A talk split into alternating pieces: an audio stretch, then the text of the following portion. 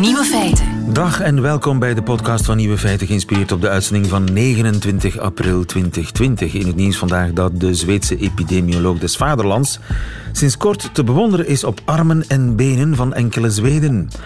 Anders Tegnell is de Mark van Ranst van Zweden. Tot voor kort een uh, nobele onbekende.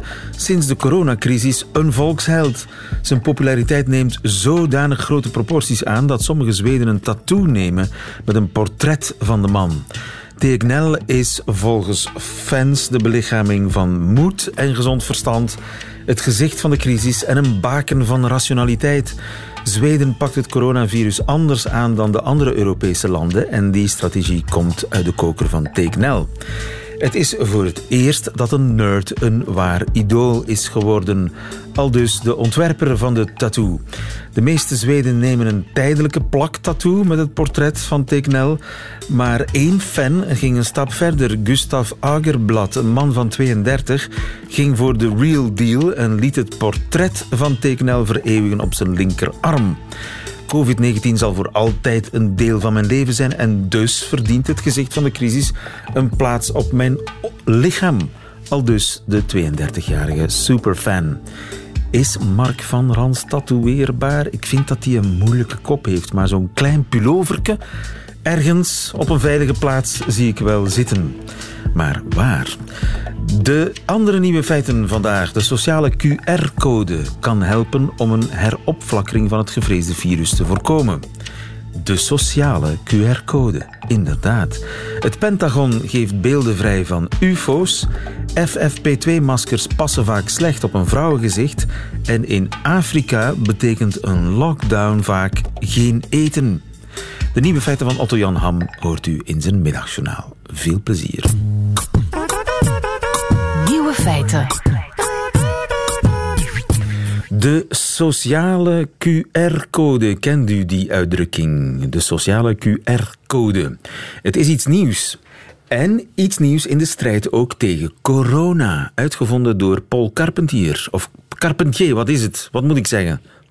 Uh, mag zeggen Carpentier. Ruimt op bier, plezier en vertier. Tenminste, na uh, de coronacrisis dan. Na de coronacrisis. En u gaat die crisis korter maken, tenminste dat is de bedoeling, met uw sociale QR-code. Want ja, de corona-app die komt er wellicht niet wegens problemen met de privacy en uh, wegens ja, Bluetooth zelf, de techniek die die app zou gaan gebruiken. Bluetooth die moeilijke afstanden kan inschatten en soms door een muur heen gaat. Dus je krijgt heel veel vals positieve resultaten. Dus die corona-app die is voorlopig geparkeerd. Maar jij hebt een alternatief bedacht.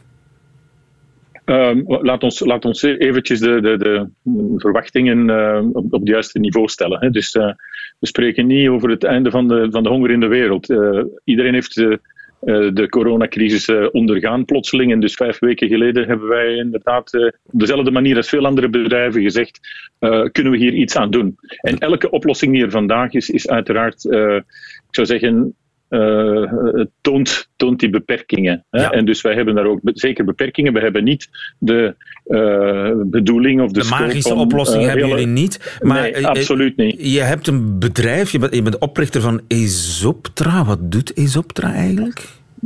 Ja, deze opdracht, heeft een, een, een dataplatform om, om heel gemakkelijk uh, datatoepassingen mogelijk te maken, onder andere met QR-codes. Ja. dat is, uh, dus jullie, uh, jullie werken al heel vaak met QR-codes en nu heb je ja. een systeem bedacht voor bedrijven in eerste instantie. Hoe werkt ja, het? ja, we, ja we, we focuseren ons helemaal op bedrijven en organisaties, omdat het onze bedoeling was om ook deze crisis inderdaad een effect te hebben. Dat was onze doelstelling vijf weken geleden. En dit is de manier waarop we dat zien gebeuren. Dus het, het grotere debat blijven eventjes buiten. Hè? Ja, dus um, laten we beginnen bij, bij het begin. Zo'n bedrijf, dat hang je dan vol met QR-codes? Uh, ja, en ik zou zeggen, om, om, om het even te plaatsen, dus, dus het, het is... Uh, het is maar heel weinig technologie. Hè. Dus eigenlijk is uh, Savitas, want zo heet het systeem dan, is eigenlijk een totaal vrijwillige sociale innovatie waarbij juist genoeg technologie wordt gebruikt om ze mogelijk te maken. Hè? En dat is ook typisch onze filosofie van, de, van, van Isoptra dan. Um, en, en het is een sociaal patroon. Dus een sociaal, zo social distancing of physical distancing moeten we eigenlijk zeggen, uh, een nieuw sociaal patroon is. En dus de manier waarop het werkt is, uh, QR-codes worden geplaatst binnen bedrijven op plaatsen waar afstand houden een uitdaging kan zijn. Dus mensen weten dat zelf het beste. Dus dat uh, bijvoorbeeld uh, aan de koffiemachine of aan de watercooler of in, in de, uh, de lavatory of het rijtje aan de receptie. Dus op die plaatsen waar social distancing misschien niet altijd gegarandeerd is, daar en enkel daar gaan we QR-codes plaatsen. En dus bedrijven gaan dat doen en ook onze onze partners gaan dat doen. We hebben uh, een hele waaier van partners die helemaal in de, ik zou zeggen, in, in, in de veiligheidssfeer zitten. En uh, ook die gaan daar best practices rond opbouwen. Ja, uh, dus het, het, is al ja. begonnen, jullie zijn al bezig. Um, wel, laten we zeggen, de, de, we zijn helemaal bezig met de, de, de, de finale voorbereidingen van de, van de rollout. Hè? Dus ja. zeg maar hè, de, de etiketten en het contacteren enzovoort. Ja? Stel, ik ja, werk in zo'n bedrijf waar, waar, overal op die plaatsen die u daarnet genoemd heeft QR-codes heeft hangen. Dan word ik vriendelijk verzocht om die te scannen. Ja, en en nogmaals, het is totaal vrijwillig. Hè? Want we denken dat het op die manier een pak beter gaat werken. We gaan mensen motiveren Net zoals we mensen motiveren om mondmaskers te dragen of, of social distancing te doen, gaan we ze motiveren om die QR-codes uh, te scannen ja. uh, met hun smartphone. Het wordt een sociale verplichting ook. Hè? Als je dan in de koffiekamer ja. bent of in de vergaderzaal, ja. in de inkomhal, snel even, het is beleefd om snel even de, de code te scannen. Dus mijn telefoon weet precies waar ik overal geweest ben en wanneer. Uh, het is te zeggen. Dus uh, je moet het niet bekijken als zijn de, um, laten we zeggen, locatiegegevens of zo. het is eigenlijk een pak simpeler. Wat we bijhouden is um, welke QR-code gescand op welk moment. En, die, en die gegevens die blijven in de telefoon zitten. Ze worden niet opgeladen. Hè? Die blijven gewoon in de telefoon zitten. En zelfs niet in een app. Ze zitten in het geheugen van de browser. Dus we van de telefoon, aan, die komen zelfs niet in een ja. of andere cloud terecht. Nee, nee, okay. nee. Dus die blijven lokaal. Ja? Dan, stel, ik word ziek. Ik heb het virus. Ja. Wat dan? Uh, dan? Dan heb ik de gelegenheid, en ook dat is volledig vrijwillig, om te zeggen: mijn logboekje, dat in die telefoon zit, waar we het net over hadden, uh, dat ga ik uh, opladen. Dat ga ik inderdaad ter beschikking stellen van de gemeenschap om andere mensen te kunnen verwittigen hè, dat ze ja. eventueel met mij in contact zijn geweest voor ik de symptomen had. Hè. Dus dat is eigenlijk dat, dat Dan is overhandig ik mijn whereabouts ja. aan het bedrijf, dan ja. stopt mijn privacy. Nee, nee, nee. nee, nee. Niet aan het bedrijf. Hè. Dus ah. pas op, het bedrijf, het bedrijf heeft helemaal geen partij in de hele zaak. Hè. Dus het, zijn, het is enkel vrijwillig, het gaat enkel over de, de personen, de personeelsleden zelf. Het bedrijf weet van niks om, om, om het heel uh, oneerbiedig ah, te ja, zeggen. Dus ik overhandig uh, mijn whereabouts aan jou dan eigenlijk? Uh, wel, het is te zeggen, ze, ze gaan worden opgeladen na het ontvangen van een medische autorisatie. Hè, want we gaan niet aan de personen helemaal zelf. Ze moeten het zelf willen doen. Ja. Dat is belangrijk. En, en onze enquêtes wezen erop dat 90% van de mensen dat wel wil doen als het strikt anoniem is. Ja. Uh, maar ze moeten daar wel een, een medische autorisatie voor krijgen. Oké, okay. en dus dan weet het systeem waar ik overal geweest ben. Um, ja, zei het, dat het systeem, eigenlijk wat het systeem weet, is bij die QR-code, op ja. dat moment, was er iemand, die we niet kennen, waar helemaal geen identiteit van bekend is, uh, die nu uh, aangegeven is als zijnde besmet. Ja, en ja? dus mijn collega's als zij uh, toevallig op hetzelfde moment ongeveer dezelfde QR-code hebben gescand, dan krijgen die een waarschuwing. Ja, inderdaad. En dus wanneer gebeurt dat? Dus op het moment dat ze zelf scannen, dan gaat hun telefoon uh, het lijstje downloaden, het, het me, de meest recente um, uh, ontmoetingen, zeg maar, of besmette ontmoetingen, om het dan maar zo te noemen, uh, downloaden. Um, en gaat die lokaal vergelijken. Het is dus jouw eigen telefoon Um, die gaat kijken of jouw records, die niet zijn vrijgegeven, hè, dus jouw eigen records, overeenkomen met die uh, aangegeven uh, potentieel ja. besmettelijke records. Dus, dus, zeg maar. uh, dus simpel gezegd, ik ja. krijg dan een bericht van opletten, vijf dagen geleden was hier iemand met COVID. Ja, Um, ja, ik zou zeggen, eigenlijk zal de, de verwittiging waarschijnlijk nog generischer zijn, want daar zijn zowel medisch als privacy vraagtekens bij te zetten. Dus er zal eerder een, een waarschuwing gegeven worden in de zin van uh, het is mogelijk, hè, dus het is mogelijk dat u, uh, u bent in contact gekomen met iemand die uh, nu is, uh, bekend is als zijnde besmet. En het is dus mogelijk dat, uh, dat u besmet bent. En dus ja. een aantal hoe, hoe maatregelen te nemen. Hoe generischer, ja, op de duur ga je het hele bedrijf moeten iso isoleren natuurlijk, want iedereen komt nee, wel nee, eens nee, in de dat is, nee, nee. Nee, nee, dat is niet, dat is niet de bedoeling. Maar wat we willen uh, zorgen, eigenlijk, uh, we kunnen die informatie doorgeven. Uh, we willen er alleen voor zorgen dat wat we doorgeven effectief ook correct is. Hè? Dus en wetenschappelijk correct en, en privacygewijs acceptabel. Ja. Hè? Dus dat is eigenlijk dat is, dat is, dat is het punt.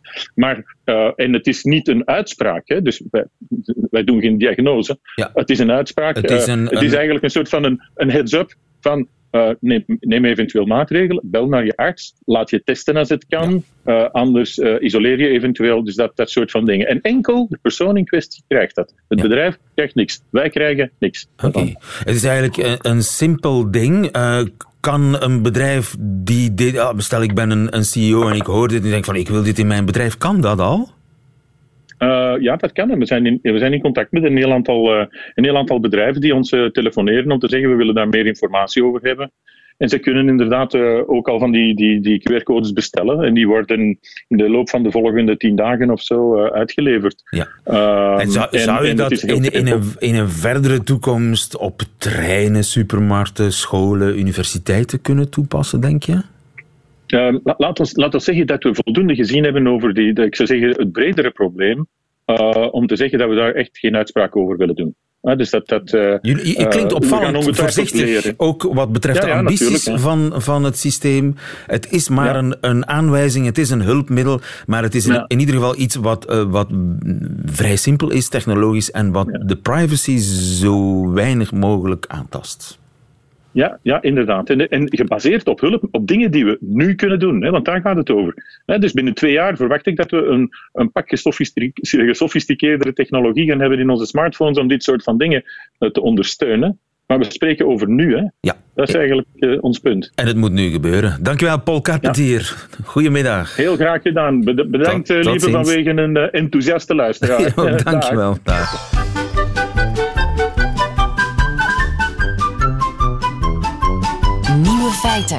Het Pentagon heeft beelden vrijgegeven, beelden van UFO's, gemaakt door uh, marinepiloten, die beelden, tijdens testvluchten in november 2004 en januari 2015. En u hoort het, want ik kan de beelden uiteraard niet laten zien. De piloten die geloven hun ogen niet. Oh my gosh, dude. Wow, look at Look fly.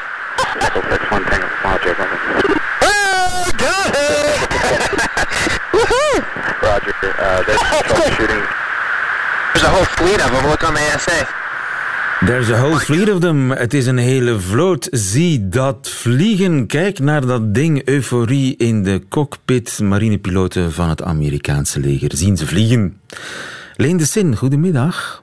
Goedemiddag. Je bent astrofysicus, hoogleraar sterrenkunde ook aan de Universiteit van Leuven. Ik mhm. heb de beelden bekeken ik kan er niet zo heel erg veel van maken. Ik zie een zwart stipje op een grijze achtergrond. Mhm. kun, kun, jij er wel iets van maken? Nee, nee ik vind, uh, ik, voor mij zijn dat niet onmiddellijk overtuigende beelden.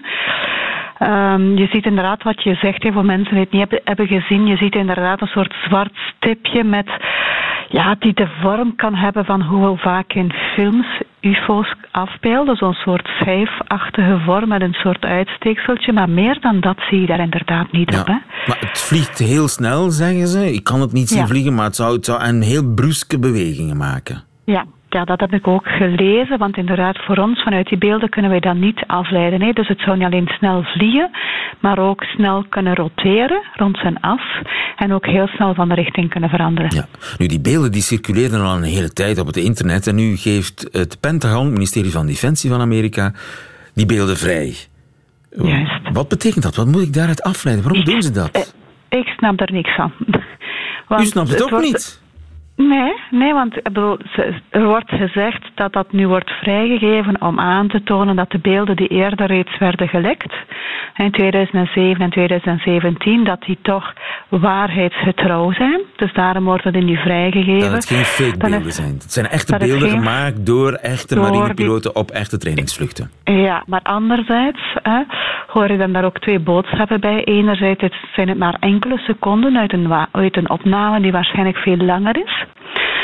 Dus dat, en dan wordt er wel gezegd, nu brengen we dat onder het publiek, opdat er meer experten zouden kunnen naar kijken. Maar ja, dan krijg je toch maar een beperkte opname te zien. En dan hoor, krijg je ook nog te horen dat er een democratische senator zegt van ja, het is van belang dat dit gebeurt. Want het is ook van belang dat we de, Ameri dat we de Amerikaanse bevolking daartegen beschermen, tegen potentiële veiligheidsrisico's, stelt hij dan. Dan denk ik van ja, maar zo werkt het toch niet. Ja, want dat is een, een politicus die dat zegt. Wat denkt het leger eigenlijk over die zwarte stip? Of die zwarte stippen? Zegt het leger, we weten wat het is? Nee, dus wel officieel weten ze niet wat het is. Vandaar dus dat het een ongeïdentificeerd object is, wat eigenlijk de, de, de benaming is van zo'n UFO. Ze weten ja. zogezegd niet wat het is. Natuurlijk, de meeste speculaties leiden toch wel eerder in de richting dat dat een soort ja, type spionage, spionagevliegtuigen zouden kunnen zijn. Hè? Dus van menselijke makelij. Ja, natuurlijk. Waar je nou ook naartoe gaat, lieve, is dat er... Ja, de, deze worden ook vrijgegeven en dan krijg je onmiddellijk ook die hype van het is misschien buitenaards leven dat we daar zien. Hè? Of de makelij van buitenaards leven. Ja, en daar heb ik zelf grote vraagtekens bij. Gelooft u, gelooft u dat het uh, niet bestaat, buitenaards leven? Of dat dat buitenaards leven nooit tot bij ons kan komen of gekomen is? Ja, je, je vraag is dubbel. Dus het, als het gaat over bestaat buitenaards leven, dan durf ik daar eerder voorzichtig positief op antwoorden. Maar de grote discussie die we misschien offline moeten houden is wat is leven. Hè? He, dus maar ik geloof er zeker van dat er in de grote hoeveelheid andere planeten dat er zijn, dat er zeker ook daar geëvolueerde chemische en biologische processen zijn geweest. Ja, maar of dat dingen zijn met pootjes en, en en dingen zijn die machines kunnen maken. Je moet echt indenken, het is bijzonder complex om ons leven te krijgen. En waar dus mijn, als je dus, ik voel bij mezelf altijd een heel sterk sceptisme als het aan gaat richting die UFO's die ons kunnen bereiken. En dat sceptisme is eerder gegrond in, in, in, ik denk eerder in een statistische bewijsvoering. Ik bedoel, dan moet je enerzijds al een buitenaardse beschaving hebben die ook ja, noem het vliegende machines ontwerpt, die toch redelijk lijken op die van ons. Hè? Dus welke kans heb je daartoe? En die dan ook nog detecteerbaar zijn. En als ze dan bijvoorbeeld niet zouden willen gedetecteerd worden, ja, als ze toch zo geavanceerd zijn om zo'n dingen te ontwerpen, dan is het ook niet moeilijk om daar bijvoorbeeld een codeschild rondom hun UFO of rondom hun vliegende machine te hangen, zodat ze niet op infraroodbeelden herkenbaar zouden zijn. Dus er zitten te veel haken en ogen in. En U gelooft nooit dat het echt buitenaards eh, wezens, buitenaardse wezens zijn die... die... Er is, ja, er is een verschil in, in mijn antwoord op bestaat er misschien buitenaards leven en denk je dat het UFO's zijn? Op het eerste zeg ik, ben ik voorzichtig positief. Op het tweede denk ik, nee, dat kan echt niet. Dat, ergens voelt dat bij mij niet goed aan. Dankjewel. Het kan verkeerd zijn. Leen de Zin, dankjewel voor je deskundige uitleg. We weten niet wat het is, maar het, het blijft iets vreemds dat het Pentagon die beelden heeft uh, vrijgegeven. Nieuwe feiten. Radio 1. Zijn die FFP-maskers zijn die te groot voor vrouwen? Goedemiddag, Jasperina Dubois. Uh, goedemiddag. Je bent IC-arts in eh, Hasselt in het Jessa ziekenhuis. Het zijn uh, collega's van jou, vrouwelijk ziekenhuispersoneel in Engeland, die in de krant klagen, in The Guardian, over hun mondmasker. Ze zeggen dat is gemaakt voor een rugby-player, een rugbyspeler van twee meter. Niet voor ons. Klopt dat? Uh, dat klopt gedeeltelijk in die zin dat inderdaad heel veel van dat materiaal uh, in, gemaakt is eigenlijk voor of, of getest is op uh, jonge volwassen mannen en uh, eigenlijk daarvoor vooral gemaakt wordt. Nu, er bestaan wel verschillende maten in die maskers, maar het grote probleem is gewoon het tekort aan materiaal. En ik denk dat iedereen zich nog herinnert hoe moeilijk het was om zeker in de beginperiode überhaupt voldoende beschermend materiaal uh, te krijgen. Onze ziekenhuizen hadden daar ook geen grote voor, voorraden van. Laat staan dat ze die in verschillende maten allemaal hadden. Dus het is inderdaad een beetje zoeken naar de, het ju de juiste maat. In die zin dat de grote hoop van die maskers, dus uh, als je kijkt dat die gemaakt zijn voor, voor ja, jongvolwassen mannen, Met dan uh, is het... Brede koppen, grote ja, neuzen. Met een, inderdaad met een iets uh, groter aangezicht, dan is het uh, te begrijpen dat voor uh, iets fijnere dames dat masker eigenlijk niet goed aansluit aan het gezicht, te groot is. want iedereen kent ondertussen de beelden van verpleegkundigen die, die letsels hebben in het aangezicht door het feit dat zo'n masker heel erg aandrukt. En dat moet het eigenlijk doen. En als het te groot is, sluit het het kan zijn aan de bovenzijde, aan de neusbrug en de jukbeenderen, of onderaan de kaak onvoldoende aan, waardoor het natuurlijk zijn beschermende functie verliest, omdat er langs die kant dan toch nog uh, viruspartikels kunnen binnendringen. Dus het is zeker van belang dat je eigenlijk een goed aansluitend masker kan dragen. Ja, dus en als het een beetje te groot is en, en als er wat uh, tochtgaten zijn, zeg maar, dan, dan ga je extra hard aanknellen natuurlijk aanspannen, waardoor je, van die, van die ja, letsels krijgt op je, op je neus. En, ja, dus uh, het is inderdaad uh, zeker van belang dat je, dat je de juiste maat van masker kan dragen. Nu, ik weet bij ons in het ziekenhuis, door het feit, ja, ik zeg gewoon al door het tekort waren we al tevreden dat we de juiste maskers hadden. Um, maar door, we zagen dan wel dat door de verschillende leveringen had je verschillende producenten. Het ene uh, model verschilt ook al een beetje van het andere. Uh, al die firma's hebben hun eigen matentabel.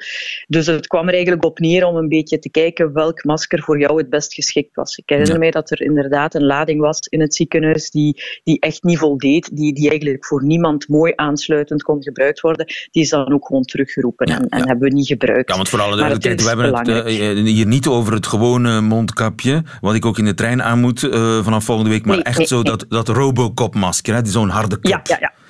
Dus het gaat echt over die typische FFP2-maskers die uh, het zorg, uh, zorgpersoneel beschermen tegen de viruspartikels. Dus het gaat echt voor verpleegkundigen die werken met, met patiënten die met COVID ja. uh, geïnfecteerd zijn. Maar dat is eigenlijk gemaakt voor mannen. Dat is toch vreemd? Want het ziekenhuis, het grootste deel van het personeel is vrouwelijk. Je zou kunnen zeggen dat het eerst op vrouwen zou moeten gemaakt worden, toch? Ja, ik denk dat we daar eventjes over het hoofd zien dat uh, deze maskers eigenlijk bij ons, of in het ziekenhuis niet tot onze standaard uitrusting behoren. Je moet die eigenlijk enkel dragen bij zeer besmettelijke ziekten. En dat was tot op vandaag, tot, tot eigenlijk voor COVID uh, ontstond, was dat eigenlijk enkel bij patiënten die een vermoeden van of een, of, of een bevestigde TBC-besmetting hadden. Wat nog heel relatief zeldzaam voorkomt. Dus voor de rest uh, dragen wij normaal de gewone mondmaskers, de chirurgische mondmaskers. Die maskers, die typische FFP2-maskers, worden veel meer gebruikt in, in de industrie of, of in, in de bouwsector als, als bescherming. En daar vind je die rugby-spelers natuurlijk. En daar natuurlijk vind je, die, vind je grotendeels eerder een mannelijke, een mannelijke bevolkingsgroep. Dus die, die, die afzetmarkt tot voor COVID was eigenlijk vooral naar mannen gericht. Ja. Uh, ik vermoed dat dat in de toekomst heel ja, anders gaat zijn en dat men daar op een heel andere manier mee gaat omgaan. Dat men ook zal zorgen in ziekenhuizen dat er voldoende voorraad is voor, uh, met een voldoende voorraad van maskers in aangepaste mate voor het zorg, uh, zorgkundig personeel, wat inderdaad tot op de dag van vandaag grotendeels vrouwelijk is. Dus dat men ja. ook zal investeren in voldoende kleine maten van die maskers. Misschien kunnen we ook dat leren uit, uit deze deze crisis. Overigens, dragen jullie er dan eentje met zo'n ventiel? Want je ziet er met ventiel en zonder ventiel, hè? Uh, ja, dat hangt er een beetje vanaf uh, van welke voorradig zijn. Maar eigenlijk het, het ventiel het is niet, niet, niet zozeer nodig, omdat het, het ventiel maakt dat je gemakkelijker kan uitademen, maar dat zou betekenen dat mocht ik uh, positief zijn, dat ik nog wel de mensen in mijn omgeving kan besmetten. Als er geen ventiel is, maakt het iets moeilijker om te ademen. Maar dan heb je eigenlijk een bescherming van de drager naar de ontvanger toe en omgekeerd. En omgekeerd. Dus het is, terwijl anders natuurlijk uh, ben ik zelf wel beschermd. Dus uh, als ik eentje heb met een ventiel, ben ik wel beschermd voor de partikels die vanuit de patiënt of zijn omgeving naar mij toe zouden komen. Maar is de patiënt eigenlijk niet beschermd ja. van wat van mij komt. Maar normaal gezien ja, ben, ga, ga ik ervan uit dat ik niet besmettelijk ben. Ja. En hoeveel uur per dag moet je zo'n ding dragen? Want dat lijkt mij heel oncomfortabel. Ademhaling alleen al.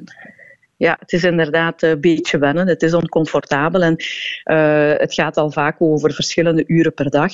En daar denk ik zijn het vooral de verpleegkundigen die, die eigenlijk ja, quasi hun ganse shift aandoen. Die, die een shift van, van, van zes uur, acht uur, uh, die, die in het beste geval met eventjes een onderbreking voor een kleine koffiepauze of lunchpauze. Maar die dus, ja, de verpleegkundigen nu die werken op de COVID-afdelingen, die zijn eigenlijk laat ons zeggen, van een, een shift van, van acht uur, toch, toch wel zeven uur, zeven uur en half lopen die met zo'n masker op. Dus dat is effectief uh, bijzonder lastig en vermoeiend. Ja, en dan is het minste wat je hen kunt gunnen een masker dat past. Hopelijk blijft dat of komt dat zo in de toekomst. Jasperina Dubois in Hasselt voor ons in het Jessa ziekenhuis. Dankjewel. Goedemiddag. Alsjeblieft. Goedemiddag. Nieuwe feiten. Klaar of niet klaar, we stoppen gewoon met de lockdown. Dat doen ze in een paar Afrikaanse landen. Erik van Zwam, goedemiddag. Goedemiddag. Je bent journalist bij Trouw, volgt Afrika voor die krant. Nigeria bijvoorbeeld, die heft een deel van de lockdown op. Is dat omdat ze klaar zijn met het virus? Nee, uh, dat zijn ze niet. Je ziet dat in de grote steden, zoals de hoofdstad, maar ook de stad Lagos, 20 miljoen inwoners, het in ieder geval tot volgende week maandag is verlengd. Uh, maar het staat onder hoge druk, want uh, het zijn allemaal mensen die uh, leven van dag tot dag. Wat je vandaag want klusjes verdient, daar koop je vandaag eten voor. En morgen zie je weer hoe het morgen is. En als je dan een paar weken thuis moet zitten, ja, dan leidt dat tot grote problemen. Honger, hongersdood. Dus ehm, de lockdown die bedoeld is tegen corona, maakt ja. hongerslachtoffers, want mensen verdienen hun geld op straat. Ja, dat zie je in heel veel landen hoor. Niet alleen Nigeria. Zimbabwe is een heel groot probleem op dit moment. Uh, nou, je ziet in, in uh, meer landen op dit moment gebeuren dat ja, je wordt dan behoed voor het eventueel krijgen van een coronavirus. Maar tegelijkertijd dreigt de hongersdood voor velen thuis. En uh, ik heb plaats weer allerlei mensen gesproken in uh, Botswana, in Zimbabwe, ook in Nigeria. En dit is echt een reëel probleem voor uh, mensen die erg arm zijn en elke dag hun kostje bij elkaar moeten sprokkelen. En ja, hoe, hoe zitten, doen ze dat dan die, bijvoorbeeld op straat hun kostje bij elkaar sprokkelen, hun diensten aan, allerlei diensten aanbieden? Ja, of, of, uh, je koopt een partijtje watermeloenen bij een boer op en die ga je dan uh, verkopen. Of je biedt inderdaad dienst aan. Ik heb uh, Zimbabwanen gesproken in Botswana. Ja, die zitten daar omdat ze in Zimbabwe geen werk kunnen krijgen. Dus in de armste landen ter wereld. En die zitten daar ook altijd onder een grote boom te wachten tot er een auto stopt. En uh, de een uh, moet wat geschilderd hebben, de volgende moet uh, iets getimmerd hebben. Nou, daar bieden ze zich voor goedkope prijzen aan. En daar kopen ze dan wat eten voor. En sturen nog wat eten naar huis, naar Zimbabwe, naar een familie. Ja. Nou, die mensen zitten nu al twee weken binnen. En ik sprak ze. En ja, geen eten, hoor, hoor, hoor. Dat is wat je te horen krijgt. En dus worden lockdown-maatregelen stilaan afgebouwd. Heeft dat dan gigantische gevolgen voor uh, COVID-19? Krijgen mensen op grote schaal COVID-19 in Afrika? Uh, is moeilijk te zeggen. Kijk, één land bouwt het wat af, zoals Nigeria, maar dat is ook maar heel beperkt. Want in Nigeria, een andere deelstaat, uh, wordt er nu weer een lockdown ingevoerd. Juist omdat in Kano er zoveel sterfgevallen zijn. Ja, die worden dan, het wordt dan longziektes genoemd, maar geen corona. Maar ja, je kunt uitrekenen wat het is. Um, in Ghana uh, wordt het nu versoepeld. Ook om de economie een beetje op gang te brengen. En inderdaad ook om uh, hongerproblemen op te lossen. En uh, in andere landen blijft de lockdown keihard gehandhaafd. Zoals Botswana, Zimbabwe. En ja, daar ontstaan dit soort problemen in verergerde mate. Daar waar ze de lockdown loslaten of deels loslaten. ja, daar moet je afwachten of de corona daar in de knip is of niet. Um, maar ik denk dat daar heel moeilijk iets over te zeggen is. Vooral ook omdat er nauwelijks ook niet getest wordt. Ja. Dus als er meer doden ergens vallen, ja, is het dan corona of niet? Ja, dat, dat, dat blijft dan in het midden. En dat zie je in sommige staten in uh, Nigeria gebeuren, deelstaten. Daar stijgt het aantal doden, maar ze zeggen dat het niet corona gerelateerd is. Maar uh, het wordt dan wel aan longziektes uh, geweten. Ja, wat is het dan? Dus het is echt kiezen tussen de cholera en de pest. Ja, ja, ja, dat is of je nou door uh, de een of de ander gebeten wordt, uh, de hond of de kat. Het is in allebei de gevallen uh, erg. En ehm, er is voorspeld als er niks wordt gedaan in Afrika, dat de VN deed dat, dat er tussen de 300.000 en 3,3 miljoen doden vallen door corona. het World Food Program die zegt ja, komend jaar verdubbelt het aantal mensen in de wereld dat acute hongerproblemen heeft. Van, dat was al een probleem voor corona. Het hongerprobleem was er al. Ja, en dat gaat naar 265 miljoen mensen die in acute uh, hongersnoodproblemen zitten, waarvan het grootste deel in Afrika. Dus al dit soort dingen, uh, ja, of je door de hond of de kat gebeten wordt, nou, dan heb je dus dat de aandacht zich verlegt, verlegt naar bestrijding van corona. Dus dat betekent dat de behandeling van malaria uh, veel minder plaats heeft. inenting van mazelen wordt stopgezet, zoals in Congo en in andere landen, wat een enorm probleem is en een grote doodsoorzaak onder kinderen. Dus ja, als je het allemaal bij elkaar optelt, is de vraag ja, wat is nou beter? Een, uh, een relevante vraag en het antwoord is uitermate ingewikkeld. Ja, heel erg ingewikkeld, want als ik jou zo bezig hoor, lijkt het alsof de strijd tegen corona lang niet de hoogste prioriteit heeft in Afrika. Voor veel mensen niet. Die zeggen, ja luister, er zijn een paar coronadoden, maar uh, uh, er gaan veel meer mensen dood aan mazelen en aan malaria en, en aan HIV en aan armoede en honger. Dat is wat ze om zich heen zien. Dat is hetzelfde als met de ebola-bestrijding in Congo. Ja, daar zeggen veel Congolezen van, er zijn 22 mensen, 2200 mensen van ebola overleden. Er zijn de afgelopen tijd 6000 kinderen aan mazelen overleden. Ja, zo maken zij die rekensom. En dus af te wachten valt hoe corona uiteindelijk zal toeslaan op Afrika. Op dit moment hebben we daar eigenlijk weinig zicht op, maar misschien dat we over een aantal maanden een eindbalans kunnen maken, of, een jaar, en dat die eindbalans wel heel, heel zwaar zal zijn. Dat kan. En tegelijkertijd moet je ook gaan kijken hoeveel mensen zijn er uh, als gevolg van lockdowns uiteindelijk overleden aan honger. Uh, heeft malaria gepiekt. Heeft mazelen gepiekt. Nou ja, dat zijn allemaal zaken die je in dezelfde vergelijking moet uh, meenemen. En wat is nou het meest verstandige oplossing? Een lockdown of niet? ja, dat blijft gewoon een ongelooflijk ingewikkeld vraagstuk waar denk niemand het echte antwoord op heeft. Het mooiste zou zijn als er een lockdown is, maar er wel een goede voedselvoorziening, dat zou al schelen, maar die is er niet. Erik van Zwam, dankjewel. Goedemiddag.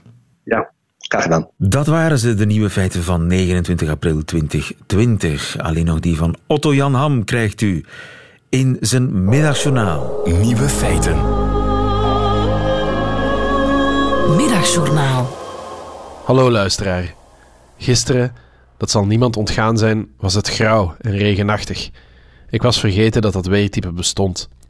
Van de weeromstuit heeft mijn gezin de hele dag in pyjama rondgelopen. Ik wou er eigenlijk iets van zeggen, maar bedacht me gelukkig net op tijd dat niemand mijn mening had gevraagd. Overigens, en voor alle duidelijkheid, zelf heb ik geen pyjama, want ik ben een volwassen man en er zijn grenzen. Ik weet dat ik in principe over mijn piek heen ben, maar de dag dat ik een pyjama aanschaf, kan ik evengoed meteen mijn piemel inleveren. Oh ja, het weer, daar ging het over. Ook vandaag is het niet veel beter. Een mens zou er mistroostig van worden, maar ik wil iedereen even geruststellen. Het gaat best goed met mij. Langzaam maar zeker. Af en toe is er ook goed nieuws te melden. Wat te denken bijvoorbeeld over de voetballer Kevin De Bruyne, die samen met zijn vriendin een derde kind verwacht. Sorry dat ik daar nu pas over begin. Dat was afgelopen zondag een hoofdpunt op het radiojournaal van Clara. Op zondag luister ik graag naar Clara omwille van die Gregoriaanse koorzang. De nieuwslezer vertelde stoïcijns dat Kevin De Bruyne al twee kinderen had met de namen Mason Millian en Rome. Rome zoals Rome, de bakermat van de Romeinse beschaving, maar dan op zijn Engels, Rome. Rome de Bruyne. Ik neem nu even aan dat de vriendin van Kevin De Bruyne die mooie namen heeft gekozen. Moeders kunnen dat nu eenmaal beter. Maar stiekem hoop ik dat Kevin voor de derde een vrijgeleide krijgt en dat hij de baby dan Fortnite of Minecraft noemt. In datzelfde nieuwsbericht ging het verder dat het gezin van Kevin De Bruyne voorlopig in quarantaine zat, maar dat ze daar weinig last van hadden. Logisch vind ik dat. Ik ben al eens in Manchester geweest. Het regende hard en ik weet nog dat ik dacht: ik kan me niet voorstellen dat Kevin De Bruyne en zijn gezin überhaupt vaak buiten komen. Waarom zouden ze ook? Voetballers hebben vaak heel mooie huizen met van die grote glanzende vloertegels en een enorme televisie en een koelkast met twee deuren. Ik zou ook binnen blijven. In augustus verwacht Kevin De Bruyne het nieuwe kind van Kevin De Bruyne. Hebben we toch weer iets om naar uit te kijken. Het is zelfs niet het enige lichtpuntje aan de einder. Binnenkort gaan sommige kinderen, waaronder een van mij, weer naar school. En als we heel uit ons best doen, mogen andere mensen binnenkort weer op wandel door Ikea. Joost van de Kastelen zei het wel mooi in Humo. De beste doen hun best en de erge worden erger.